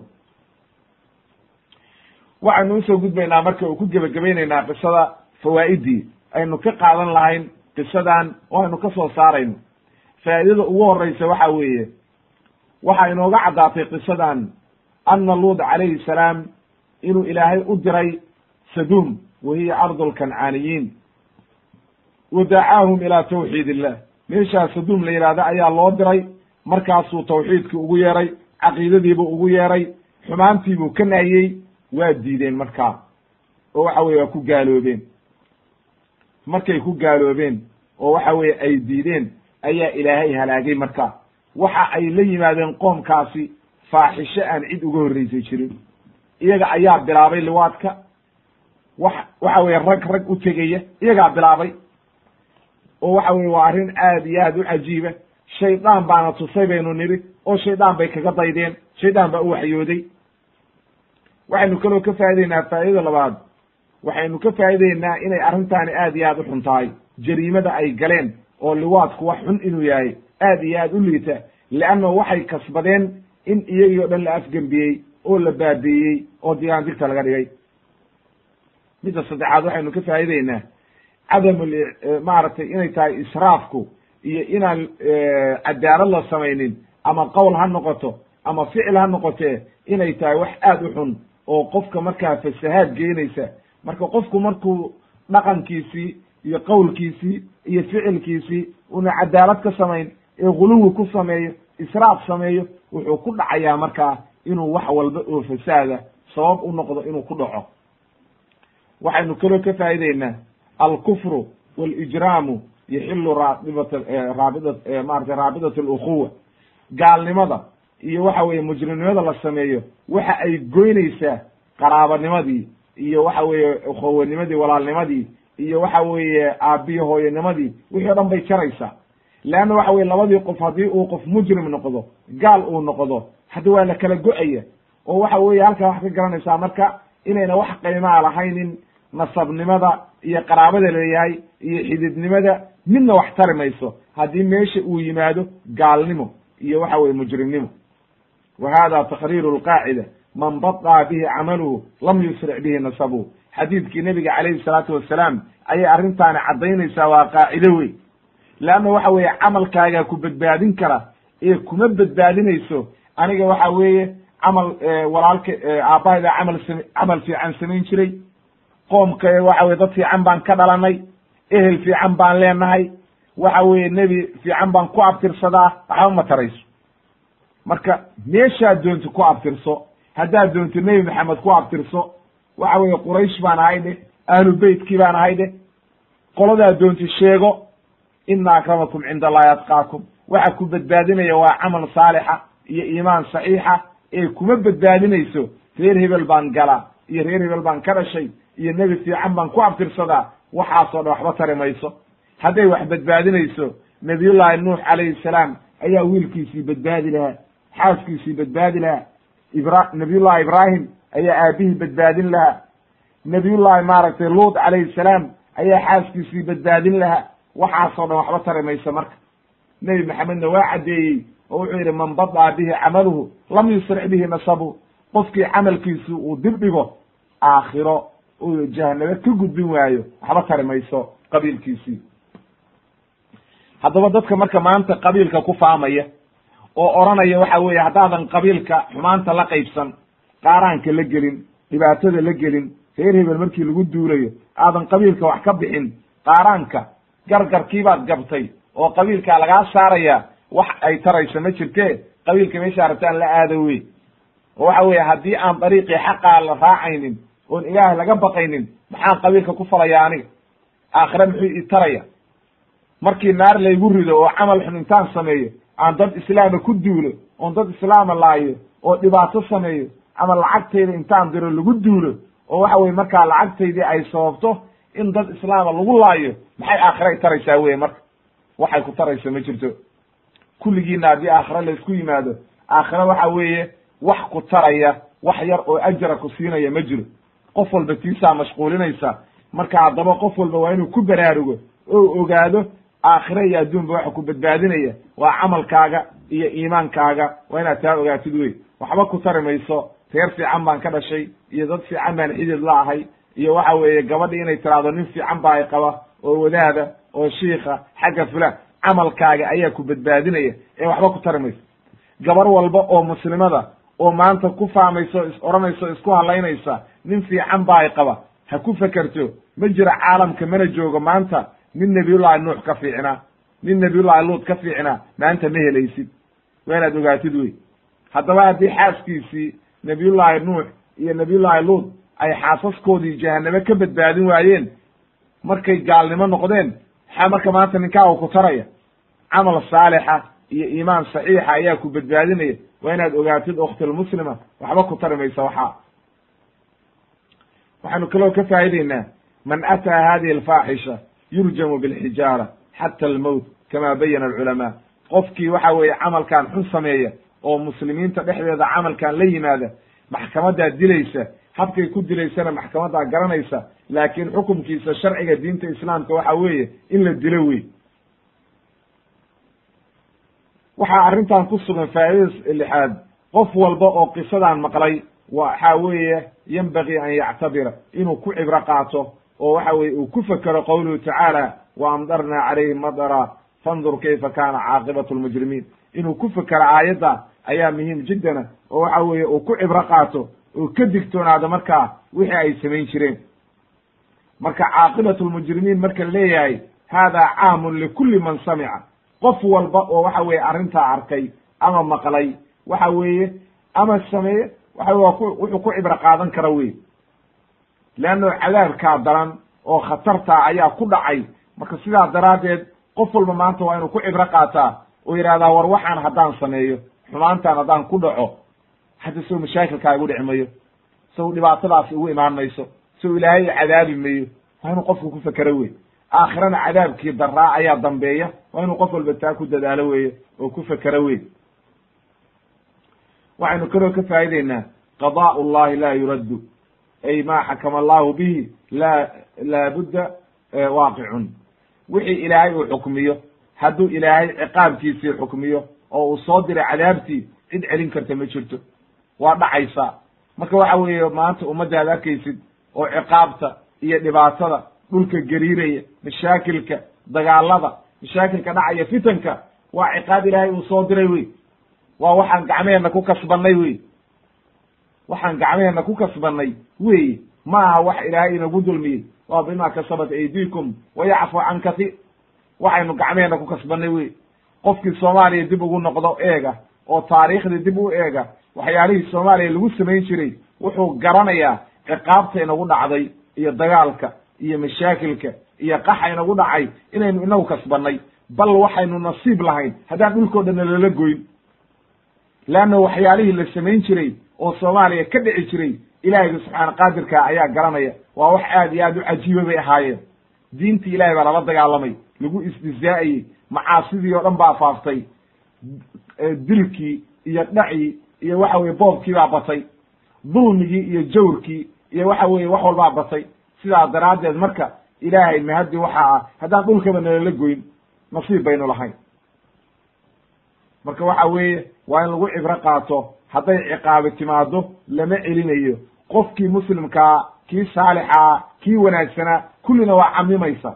Oo waxa weeye ciqaabtii hadday timaado la oran mayo intii dembiga samaysay keliya hala laayo. Kulli meeshii wixii joogay waa lagu baabiinay. Haddaba marka waa in laga digtoonaado oo aad iyo aad looga digtoonaado arrintaa waxaynu kaloo ka faa'ideynaa fadiilatu ikraami adayf wa ximaayatuhu in waxa weeye la karaameeyo dadka martidaa oo la difaaco sidaa uu sameeyey nabiyullahi luud calayhi salaam oo waxa weeye naftiisii uu biimeeyey oo qoonkaa dhaalimiinta ah uu martidii ka difaacayey. Waxaynu kaloo ka faa'ideynaa caadada xun qofku haddii ay caadaystaan waxyaalaha caadada xun oo dadku ay samaynayaan waxa weeye markaa waxaa bedelmaya dhaqankii iyo wanaaggii iyo wixii dhan baa bedelmaya wixii xumaabaa wanaag u muuqanaya. Marka waxa weeye soomaalidu waa midda kaga maamaahan halkaa waxay yidhahdaan deriska mar waa lagu diinaa oo waad la yaabaysaa waxa ay samaynayaan haddii aad ku aragti wax xun marna waad ku dayataa marna waad ka daraataa marka waxa weeye taasi waxay kutusaysaa haddii dadku xumaanta ay samaynayaan ay dadkii oo dhan fiirsanayaan oo aan la nahayiyin oo aan la joogin oo aan laga joojin waxaan xumaantan aan laga qabanin gacmaha waxaa imaanaysa markaa in wixii ay caado noqoto oo caadi loo arko oo ay fududaato oo markaa dadkii o dhan ku daydaan markaa kulli dadkii ay wax fiican la noqoto hadhowna laga furfuri kari waayo. Waxaa aad iyo aad aynu uga faa'ideynaa xayaatada nolosha xun waxa weeye in la waayo dadka dhexdiisii wax wanaagga amra oo waxa weeye alamru bilmacruuf wannahyi can ilmunkar in faraha laga qaado waa nolol aad u xun weye leanno haddaan xumaanta la nahyin oo dadkii xumaantii sameeyaan dhaqan bay u noqonaysaa hadhowna halaag baa imaanaya oo kulli waxa weye waa la wada halaagsamaya oo dhibaataa dhacaysa wey waxaanu kaloo ka faa'iideynaa karaahiyatu ta'asufi maaragtay lihalaaki aalimiin wa waciidi aalimiina fi kuli zamanin wa makan biashadd alcuquubaat. Waxaynu ka faa'iideynaa qofka daalimka ah hadduu halaagsamo oo ciqaab ku timaado oo ilaahay halaago inaan laga naxaynin oo waxa weye aan laga xumaanaynin oon loo murugoonaynin oon la odhanaynin nin fiican bu ah soomaalidu dhaqan bay leeyihiin qofka dhaalimka ah oo mujrimka ah marka hore way caayayaan. Waxay leeyihiin waa dhaalim waa nin xun waa nin mujrima. Maalintuu dhinto. Bay waxay leeyihiin allah nin fiican buu ahaa. Wuu toobad keenay. Wuu fiicinaa xagguu ahaa. Waxaas waxba kama jiraan. Qofku waxa weeye hadduu dhaalim ahaa mujrima oo ijra uu saa ku dhinto waxaad ka naxaysid ma jirto. Waxaad ka naxaysid ma jirto. Marka soomaalida waxa weeye qabiilkaa ku weyne diintu kuma weyna qabiilkaa ku weyn oo qabiilkay u naxayaan. Oo waxa waxay odhanayaan waa qabiilkaygii. Waxaanu aragnay mid gaal ahaa oo gaaloobay oo markuu baktiyey ay dadkiisii leeyihiin war ninku soomaaligu ahaa ee hala xabaalo. Oo maxaad soomaalinimadiisa ku fadhisaa ninkaan gaal bu ahay war maye ninkaan waktiyadii dambe waa fiicinaa oo waa soo noqday oo qiil bay u raadinayaan. Iyo waxaan jirin iyo waxa weye waxaan waxba ka jirin bay u daydayayaan nin gaal ahaa oo markuu baktiyey kiniisadii waxa weye ay u surayd meesha saliibkii oo waxa weye gaal ahaa oo diiday inuu islaamo. Waxa weye wax aad iyo aad u cajiiba oo waxa weye dadkii marka ay noocaas diintiiba inay qabiilkii kala weynaato. Waa wax aad iyo aad u cajiibo wey marka qabiil bay dadkii caabudayaan markay noocaa noqoto qabiilkii baa waxa weye la caabudaya marka. Waa arrin aad iyo aad u khatara wey waa inaad ogaataa akhilmuslima waqtilmuslima qabiilku wax faa'iidaa uu leeyahay ma jirto. Haddii aan dariiqi ilaahay la marin oo xaqa loo hoggaansamin qabiilku waxba ku tari mayo qabiilka waa in la isku barto. Qabiilna waxaad la tahay qofkii ilaahay ka baqaya. Ayaad wax wadaagtaan? Alakhilaahu yowmaydin bacduhum libacdin caduwun ila almuttaqiin. Dadka waxa weeye saaxiibkaa isjecel aakhire markii la yimaado cadow bay isku noqonayaan. Waa kala yaacayaan waa kala cararayaan cadow bay isku yihiin. Ilaa dadkii mutaqiinta ah oo ilaahay ka cabsaday oo waxa weye ilaahay ka cabsaday mooye. Waxaynu marka kaloo ka faa'ideynaa qudradda ilaahay iyo awoodda ilaahay inta ay leeg tahay oon ilaahay waxba cajsi gelinaynin leannao magaalooyinkaa faraha badan oo saduum iyo intii ku hareersanayd daqiiqad gudaheed baa lagu halaagay kor inta la geeye la soo afgembiyey oo waxa weye la baabi'iyey wey. Waxaanu kaloo ka faa'ideynaa alxafu calaa nadari atafakur walictibaar fa inahu anfac lilcaqli albashariy waxaynu ka faa'ideynaa inuu qofku fekero oo waxa weye taariikhda akriyo oo uu dib u baaro taariikhda qur'aanka kitaabka qur'aankaa iyo sunnaha iyo aqwaasha culummada in la akriyo oo lagu fekero oo la ogaado oo lagu fekero war qoomkaa maxaa sababtaa maxay tahay lagu halaagay maxaa dhibaatadan u keenay maxaa mashaakilkaasoo dhan u keenay ciqaabtaa adag maxay ku muteen in laga fekero oo markaa laga dheeraado wixii xumaa oo ay samaynayeen wixii wanaagsanaana ay dariiqii wanaagsanaa oo intii badbaaday oo ilaahay uu badbaadiyena waxa weye markaa la maro oo aad iyo aad looga digtoonaado ayaynu ka faa'ideynaa sharafu nabiyi sala allahu alayh wasalam baynu ka faa'ideynaa leanna waxa weye xaysu aqsama allahu bixayaati ilaahay baa ku dhaartay. Ilaahayna waxa u banaan wax alla wuxuu doono makhluuqiisa inuu ku dhaarto laakiin innaga inooma banaana oo waxa weye nebigu wuxuu yidhi calayhi salaatu wasalaam man kana xaalifan falyaxlif billah. Qofkii dhaaranaya ilaahay ha ku dhaarto. Laa taxlifuu biaabaa'ikum walaa ummahaatikum walaa biamaanatikum. Ha ku dhaaranin oo waxa weeye aabbe iyo hooye iyo midna laguma dhaarto. Waxaa lagu dhaartaa oo waxa weeye kuu bannaan ilaahay inaad ku dhaaratid laakiin ilaahay wuxuu doono makhluuqiisa ayuu ku dhaartaa oo waa u bannaan tahay weeye marka maadaama uu nebiga ku dhaartay lacamruka inahum la fii sakratihim yacmahuun. Waxay halkaa kutusaysaa nebiga sharaftiisa iyo wanaaggiisa. Makhluuqa aad u wanaagsan oo ilaahay agtiisa sharaf kale inuu ahaa oo ilaahay baa qaymaynaya oo ku dhaartay wey. Waxaynu kaloo ka faa'ideynaa taqriiru nubuwati moxamedin sala allahu alayh wasalam inuu waxa weye nebi maxamed calayhi salaatu wasalaam nebinimadiisii ayay sugaysaa leannao taariikh buu ka sheekeeyey muddo dheer ka soo wareegtay oo aad iyo aad u dheer waxna ma qori jirin waxna ma akriyi jirin. Waxa weye marka taariikhda uu nebigu ka sheekeeyey oo kitaabka qur'aankaa ku soo aroortay iyo axaadiista oo ilaahay u waxyooday waxay kutusaysaa markaa nebiga waxa weye nebinimadiisii oo qofkii shaki kaga jiro inuu waxa weye arrintaa fiiriyo oo ku ku cilmi qaato oo waxa weye markaa ku caqlisto ayaa habboon wey waxaynu ka faa'ideynaa fadlu lamaana amaanada wanaaggeeda inay tahay hiya min min waajibaati alislaam lianna kula rasuulin yaqulu liqowmihi inii lakum rasuulun amiin. Fadliga iyo wanaagga ay leedahay amaanada ayaynu ka faa'ideynaa diinta islaamkaa sugtay nebi kastana qoomkiisii waxa uu ku leeyahay inii lakum rasuulun amiin. Waxaan idin yahay rasuul aamina oan idin khiyaamaynin inii lakum naasixun amiin. Waan idin naseexaynaya ayuu nebi walba ku leeyahay qoomkiisii. Haddaba amaanadu aad bay u fiican tahay oo haddii wax lagugu ammaansado sidii ay ahayd waa inaad u gudataa akhilmuslima waktilmuslima amaanada ugu muhiimsan oo la doonayo in la la wanaajiyana waxa weeye oo la xifdiyo wa amaanat aliimaan walcaqiida walislaam diinta iyo caqiidada iyo iimaanka iyo cibaadada lagaa rabo inaad ka soo baxdid oo aad aamin noqotid wey. Waxaynu ka faa'ideynaa sabiilu najaati najaati waddada lagu badbaado ama dadka fardi ha noqoto ama jamaaca ha noqotee inuu yahay taqwa allah wa daacatu rasuul sala allahu alayh wasalam haddii ilaahay laga cabsado rasuulkana la adeeco waa la waa la liibaanayaa weye fattaqu llaha wa adiicuun ayuu ilaahay meel walba leeyahay. War waxa weye rusushii o dhan waxay leeyihiin anigana i adeeca ilaahayna ka cabsada.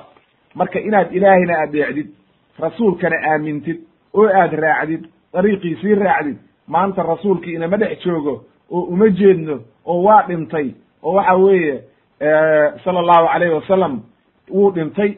Marka sidaa daraaddeed haddii uu dhintay waxaan dhimanin oo ina dhex jooga oo inoo yeeraya kitaabkii qur'aankaa iyo sunnihii nebiga ayaa ina la hadlaya oo mar walba ina dhahaya war ilaahay ka cabsada war rasuulka adeeca war ilaahay adeeca war dariiqii xaqa ahaa mara. Taa ayaa lagu badbaadaa marka haddaadan taa raacin ma badbaadaysid akhilmuslim oo waktilmuslim waa inaad ogaatid wey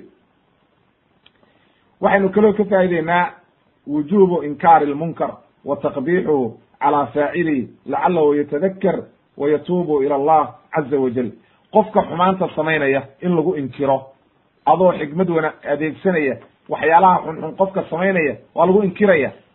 Waana lagu ceebaynaya waxa laleeyahy wax xun baad samaynaysaa ilaahay ka baq baa la leeyahay waa la waaninaya waa loo naseexaynaya wixii xumaan tahayd baa la tusaya inay waxaani wax xun tahay. Waxaa laga yaabaa markaa inuu toobad keeno oo isgarto oo ilaahay u soo noqdo. Ayaa dhici karta. Leannahu bilo aamnigo dhan xumaan waa gelayaan kullu ibni aadan khadaa wa khayr alkhadaa'ina tawaabuun. Laakin waa in la helaa wax munkarkiina nahyinaya dadkiina wanaaggii amraya waa in la helaa.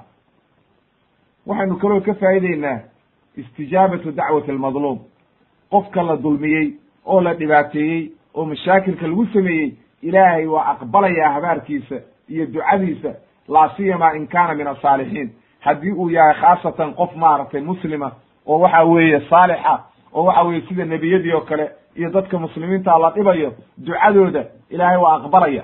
Oo waxa weeye wataa nebi kasta markuu ilaahay baryo ayaa ilaahay ajiibaya. Faistajabnaa lahu ayuu ilaahay leeyahay meel walba. Waanu ajiibnay oo waxa weye markaasaan ka badbaadinay dhibaatadii iyo mashaakilkii aanu halaagnay waxa weye qoomkii kale oo dhibayeyna.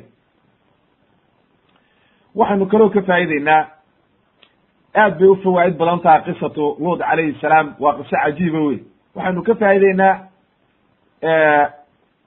qofkii aynan u hormarin iimaan oo waxa weye ilaahay uunan iimaan la maagin aayad kasta iyo wax walba oo la tuso inuuna ku cibro qaadanaynin oo waxa weye uuna ku waansamaynin ayaa waxa weye aynu ka faa'ideynaa waxaynu kaloo ka faa'ideynaa tawaqucu alcadaabi ida intashara sharu fi maaragtay haddii sharku oo waxa weye wacaduma dulmu dulmigii haddii uu bato oo sharkii uu faafo oo xumaantii badato waxaa imaanaysa markaa oo waxa weye khatar lagu sugan yahay inay ciqaabtii ilaahay timaado oo waxa weye sabab bay u tahay.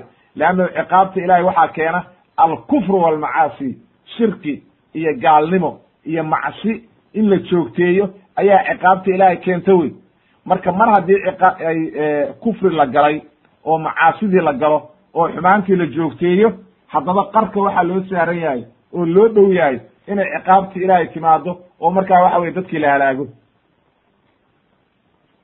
Waxaynu kaloo ka faa'ideynaa wujuubu buqdi shar maaragtay in sharka iyo xumaanta dadka samaynaya loo caroonayo oo waxa weye sidii uu yihi maaragtay nabiyullahi luud calayhi salaam inii lacamalakum min alqaaliin. Ay maaragtay waan u caraysnay anigu waan ka xumaay.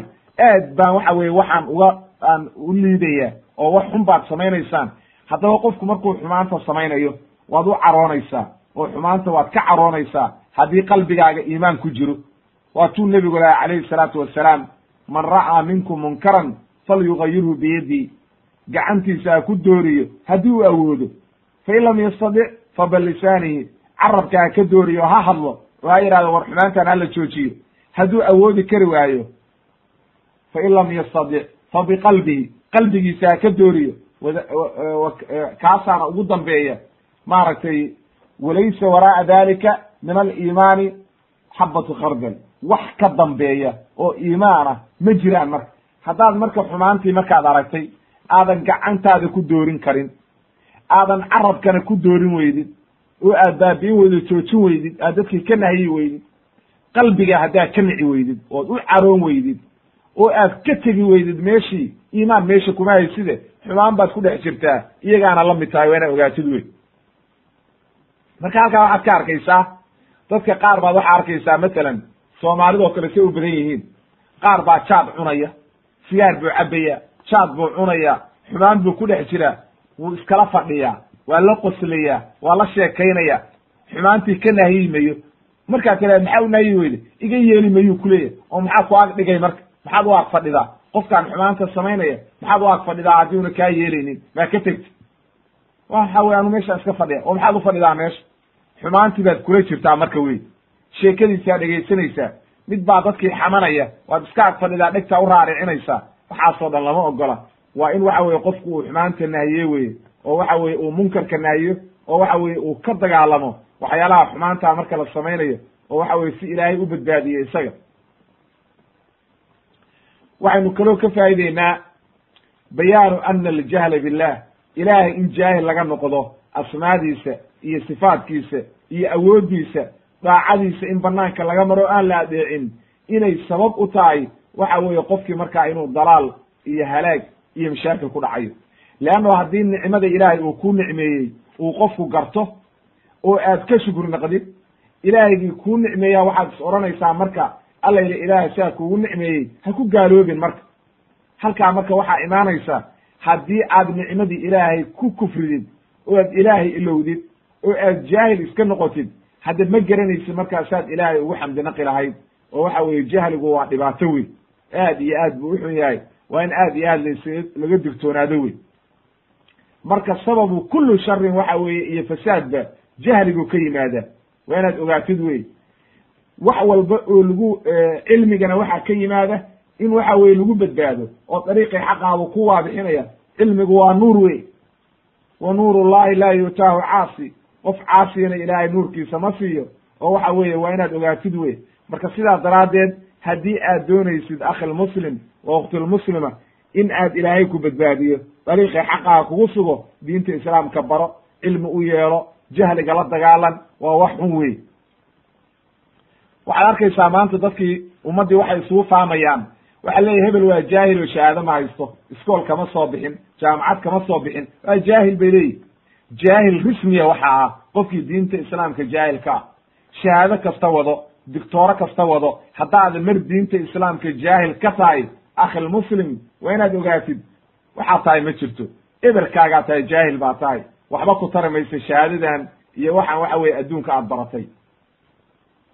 Waxaynu kaloo ka faa'ideynaa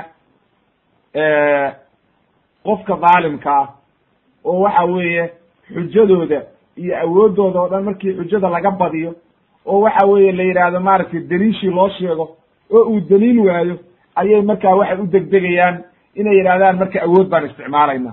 Oo waxa weye waad u jeedaa nebiga calayhi salaatu wasalaam markuu xaqi u sheegay oo u bayaaniyey oo wax walba u sheegay ayay waxay leeyihiin akhrijuu aala luudi min qaryatikum. Ka saara. Ama waa ku rajminaynaa yaa luudu lain lam tantahi yaa luudu maaragtay latakunana min almarjuumi waa lagu rajminaya oo waa ku dilaynaa waa kaa saaraynaa magaalada. Awood bay isticmaalayaan leanna waxa weye caqiida ma jirto maantana waa nooca qof alla qofkii ka hadla baa la leeyahay qisadaas oo waxa weeye qoomuluud soo hadal qaada ha laga saaro waddan ha la cayriyo ha la dilo ha la xiro waa intii wey shaydaan baan u waxyooday wax kale ma aha marka qofka waxa waxaynu kaloo ka faa'ideynaa qowlka xun oo waxa weeye qofku haddii uu maaragtay iska ogolaado qowlka xun iyo camalka xun uu raalli ka noqdo oo waxa weye iska ag fadhiyo aakhirka ugu dambeeya agtiisa waxay noqonaysaa wax caadiya. Markaasuu iska ag fadhiyayaa ouna dhib u arkaynin oo waxa weeye caadadii dhaqankiibuu qaadanayaa. Waa wax aad u xun waa in laga digtoonaado oo aad iyo aad looga digtoonaado. Waxa xumaantaa markii aad aragtid isla markaba inkir oo waxa weeye ka digtoonow. Haddii lagaa qaadan waayana ka tag meeshii marka. Oo waxa weye isaga carar oo meeshaa ka dheerow. Oo waxa weye xumaantooda ka carar wey waxaynu kaloo ka faa'ideynaa oo fawaa'ideedu aad bay u badan tahay. Waxaynu ka faa'ideynaa sunnatullah. Maaragtay sunnada ilaahay inay tahay inuu ilaahay badbaadiyo waxa weeye nebi kasta iyo intii rumaysay iyo waxa weeye dadkii awliyada ilaahay oo ilaahay rumeeyey ilaahay inuu badbaadinayo. Uuna halaagayo acdaa'ahu kuwii dhaalimiinta ah oo kufriga la yimid oo waxa weeye maaragtay markay israar ku sameeyeen oo ay joogteeyaan xumaanta iyo macaasida oo ay xaqa raaci waayaan. Wa bayaanu alcibrati fi injaa'i luud waalmu'miniin macahu wa ihlaaki alkaafiriin almukadibiina bih waxaa lagu cibro qaadanayaa maadaama ilaahay nabiyullaahi luud calayhi salaam uu badbaadiyey oo waxa weye isaga iyo ilmihiisiiba uu badbaadiyey. Intii ku gaalowdayna ilaahay uu halaagay xataa xaaskiisii arrintaa waa cibro wey waa wax lagu cibro qaato oo qofku ku fekero oo aad iyo aad muhiim u ah oo waxa weye lagu fekeri karo weye wey oo waxa weye aad ku cibro qaadan kartid akhilmuslim oo waktilmuslima qofkii ilaahay khayr la maago uu ku waansameeyo. Waxaynu kaloo ka faa'ideynaa tasliyatu rasuul. Rasuulka ayaa lagu sabir siinayaa qisadan leannahu waxaa la tusay in waxa weye mushrikiintii markay ku istizaa'ayeen oo nebiga ku qosqoslayeen oy lahaayeen waa waalan yahay waa sixran yahay waxa weeye waa beenlow ayaa ilaahay qasaskan uga sheekeeyey oo waxaa layihi qalbigaaga deji. Waxa weeye maaragtay waxaan kaaga sheekaynaynaa maaragtay qisaskii rusushoo dhan waxaan kaaga sheekaynaynaa si qalbigaaga u dego oo aad u xasishid rusushii kaa horreeyaa la yidhi walaalahaadi o dhan baa saa loo galay. Nebi luud baa loo galay nebi nuux baa loo galay nebi ibraahim baa loo galay. Kulli rusushii kaa horreeyey saasaa loo galay. Nebi muusa la dhibay. Sidaa daraaddeed ayaa nebiga waxaa ka sugnaatay inuu yidhi maalintii waxa weye uu xoolaha qaybinayay xunayn markii ninkii khawaarijta ah uu ku yidhi rasul maaragtay icdil cadaalad samee cadaalad ma aad samaynay buu rasuulkii ku yidhi. Markaasuu wuxuu yidhi ilaahay nebi muuse ha u naxariisto. Waa la dhibay inta lay dhibay ka badan baa la dhibay fa sabara wuu sabray. Marka ku daya baa la yidhi rusushii ulaa'ika aladiina hada allahu fa bihudaahu muqtadi. Marka nebiga waxa weeye qasaskan markii looga sheekeynayey cibray u ahayd iyo waxa weeye sabirsiin iyo inuu ku daydo rusushii hore sidii loo soo dhibay adiga keligaa maaha baa la leeyahay waxa la dhibay. Rusushii o dhan baa la dhibay. Haddaba marka waa inaad ogaatid akhilmuslim wa waktilmuslima nebiyadii o dhan waa la dhibay. Xadiis baana nebiga ka sugnaaday uu leeyahay maaragtay yubt yubtala arajulu calaa qadri diini. Qofka waa la dhibayaa oo waxa weeye diintiisu intay la eg tahay baa lagu dhibaya. Ashaddu lbalaa'i alambiya nebiyada ayaa aad loo dhibay. Marka kabacdi markaa dadkii saalixiintaana waxaa la dhibayaa qof walba intii qadrikiisa oo waxaa la eegayaa iimaankiisa iyo waxa weeye caqiidadiisa iyo awooddiisa iyo sabirkiisa ayaa la eegaya. Marka nebiyadii ilahay o dhan waa la wada dhibay. Waxaa inoo imaan doona nabiyullaahi ayuub calayhi salaam oo aad loo imtixaamay oo mashaakil ku dhacay oo jiriday oo haddana sabray markaa. Haddaba arrimahan waxaa inoogu sugan qasaska in la sabro oo dhibaatadu markay dhacdo in la sabro oo fitanka iyo mashaakilku markuu dhaco inaan diinta ilaahay laga tegin oo waxa weeye aan maaragtay aan cirib dambeedkii loo noqon oo waxa weeye diinta lagu sabro oo ilaahay la baryo allahuma ya muqaliba alquluub habit qalbii calaa diinika la yidhaahdo ayaa inoogu sugan wey waxaa kaloo ka faa'ideynaa altaxdiiru min alcabati walbaطili qowla wa camala wa khaasatan fi alandiyati walmujtamacaat lianna hada sabab alhalaag waxaynu ka faa'ideynaa meelaha la isugu yimaado oo dadku isugu yimaadaan inaan qowlka xun iyo ereyga xun iyo waxa weye ficilka xun in aad iyo aad la iskaga nahayiyo oo waxa weye aan caado laga dhigan. Leanna wixii xumaa hadday dadku joogteeyaan hadhow dhaqan bay u noqonaysaa lagama furfuri kara hadhow. Way ku dhegayaan. Hadhow markaa sabab bay unoqonaysaa in ummadii oo dhan la halaago. Ayay unoqonaysaa sabab. Marka waxaa xun in la nahiye wey. Waxaynu ka faa'ideynaa fadiilat alcaqli caqliga wanaagga uu leeyahay leannahu haddii loo isticmaalo maaragtay fi tacarufi ila alxaqi qofku caqligiisa hadduu u isticmaalo cilmiga ilahay inuu barto diinta ilahay inuu barto oo waxa weye caqligiisa waa koraya waxa weye waxbuu kuwaana qaadanaya cibarkiibuu ka faa'idaysanaya. Haddii laakiin uu isticmaalo waxyaalaha xun waa halaagsamaya marka waad u jeedaa waxa weye qofka islaamkaa oo waxa weye fidradiisu saliimka tahay caqligiisa wuxuu diidayaa inuu nini nin u tago. Waa diidayaa caqligiisu. Hadduu diintii bartana waaba ka sii daranta. Laakiin qofka aan waxba kala garanaynin oo jaahilka ah oo fitradiisii bedelantay oo xumaantii ku dhex jiray caadi weeye buu kuleyahy waxaana waa caadi wey wax walba waa dhaqan bu wax walba waa caadi bay kuleeyihin war caadigu xaggeen joogaa waxaana wax xun wey wax xun caadi ha ka dhiganin oo waxa weeye ka digtoona marka kelimadaas soomaalidu aad bay u isticmaalaan. Waxaan waa caadi ba kuleeyahy xagee caadigu joogaa waxaan xun oo qurunkaa oo aad isticmaashay oo adigu aad wanaagsatay ilaahayna uu caroonayo diinta islaamkana aan ku banaanayn xagee baad u leedahay waa caadi. Waxaynu ka faa'ideynaa oo kale ugu dambayntii wujubu tafakuri fi alaxdaati alkowniya liihtidaa'i bidalika ila macrifati sunan illahi fi lkowni walxayaa inaynu ku fekerno siduu ilaahay ulaha walam yasiruu fi lardi in waxa weeye koonka ilahay lagu fekero cirka dhulka buuraha waxyaalaha saaran. Ilaahay suu qoom walba u halaagay iyo si u badbaadiyey in lagu fekero oo lagu cibro qaato oo markaa aad iimaan ka dhexeshid oo waxa weeye aad ilaahay rumaysid oo ku dadaashid markaa inaad iimaankaagu weynaado oo iimaan qawiya aad la timaadid ood ku cibro qaadatid markaa ugu dambayntii waxaynu ka faa'ideynaa ilaahay waxa uu fududeeyey qur'aanka siduu u yidhi walaqad yasarna alqur'aana lidikri fahal min mudakir ay macnaha taysiir llahi lilqur'aan lilxifdi walictibaar. Waxa weeye ilaahay xifdigiisii waa fududeeyey. Qofkii xifdiyaya waa fudud yahay. Qofkii kuwaana qaadanaya waa fudud yahay. Qofkii waxa weeye ku dhaqmaya waa fudud yahay. Oo acmaasha layna amray oo ku jirta waa acmaal fudud oo aynu samayn karno.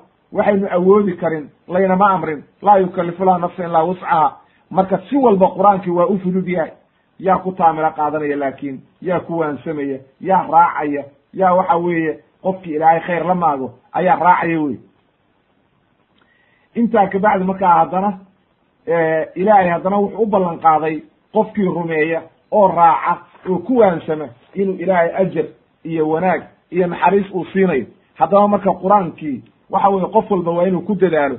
Marka waxaa aad iyo aad u habboon qofku inuu barto qur'aanka macnihiisa tafsiirkii inuu barto. Maantana waa fudud yahay. Meel walba cajiradihii baa yaalla. Waa la baran karaa inuu aad iyo aad ugu dadaalo oo waxa weye u akriyo oo ku cibro qaato. Kutubtii oo fasiran baa taalla. Meel walba qofku aad iyo aad ayuu markaa uga faa'iidaysanaya.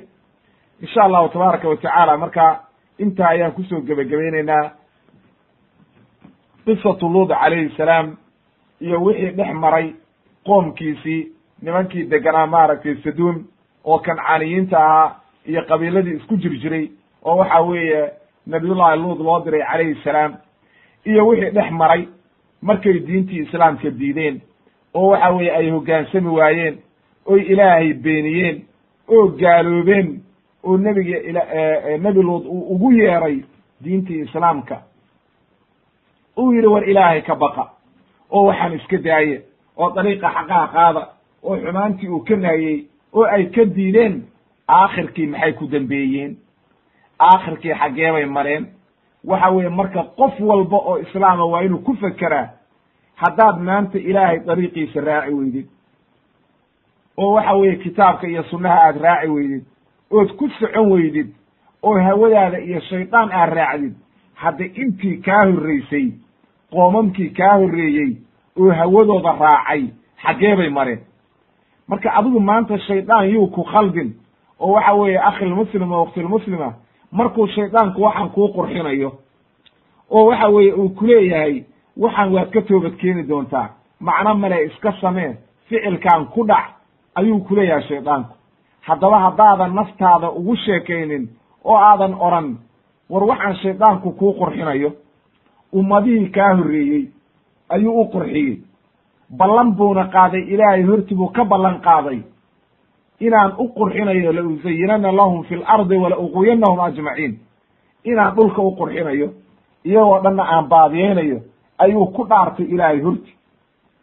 Aakhire markii la yimaadana wuxuu weeye khudbadii dheerayd oo ilaahay inooga sheekeeyey ayuu akrinaya uu leeyahay waan idinku gaaloobay maanta. Falaa taluumuunii waluumuu anfusakum. Aniga hay eedaynina naftiina eedeeya ayuu odhan doona haddaba marka ninka noocaasoo laynooga sheekeeyey ilaahayna uu yidhi cadow buu idin yahay. Ina ashaydaana lakum caduwun fatakhiduuhu caduwa. War cadow buu idin yahay baa la yidhi cad oo laynooga sheekeeyey. Marka waxaa aad iyo aad cajiib u ah cadow laynoo caddeeyey oo dariiquu soo marayey laynoo caddeeyey oo hubka uu wato laynoo caddeeyey oo dariiquu inooga imaanayo laynoo caddeeyey ayaa haddana maanta dadkii duufsanaya oo baabiinaya oo waxa weye meel walba kala dhacay. Haddaba waxaan dardaarmayaa marka oon qof walbao muslima iyo nafteedaba u dardaarmaya ilahay in laga cabsado oo dariiqa xaqaa lama la maro oo kitaabka iyo sunnaha lagu dhego oo laga digtoonaado waxyaalahan xumaanta ah oo waxa weye ay qoomamkaasi ku halaagsameen. Ilaahigii subxaana qaadirkaana loo toobad keeno oo waxa weye fitanka iyo dhibaatada maanta aynu ku jirno iyo mashaakilka waa dunuubta aynu gallaye inaynu ilaahay u toobad keenno oo waxa weeye aynu ilaahay ka cabsanno ayaa aad iyo aad u habboon. Marka intaa ayaan ku soo gebagabaynayaa qisatu qowma luud iyo waxa weye nabiyullahi luud calayhi salaam iyo qisadiisii. Halkaa ayaan ku soo gebagabaynaynaa oo waxaan dhahayaa wax alla wixii khalada oo ku soo aroorayna ilaahay baan uga toobad keenayaa oo wixii iga dhacay. Kasna uma samaynin oo waxa weeye waa wax maaragtay khalada oo waxa weye ilahay baan uga toobad keenaya wax alla wixii saxa o ansaxayna ilaahay baan ku maadinaya oo ku shukri naqayaa oo aan leeyahay ilaahu ii ziyaadi. Siduu ilaahay u yihi lain shakartum laaziidanakum qof walba oo ka faa'idaystana waxaan leeyahay ilaahay ha kaa yeelo aladiina yastamicuuna alqowla fayatabicuuna axsana wa subxaanaka allahuma wabixamdika ashhadu an laa ilaha ila anta astagfiruka wa atuubu ilayk walxamdu lilahi rabi alcaalamiin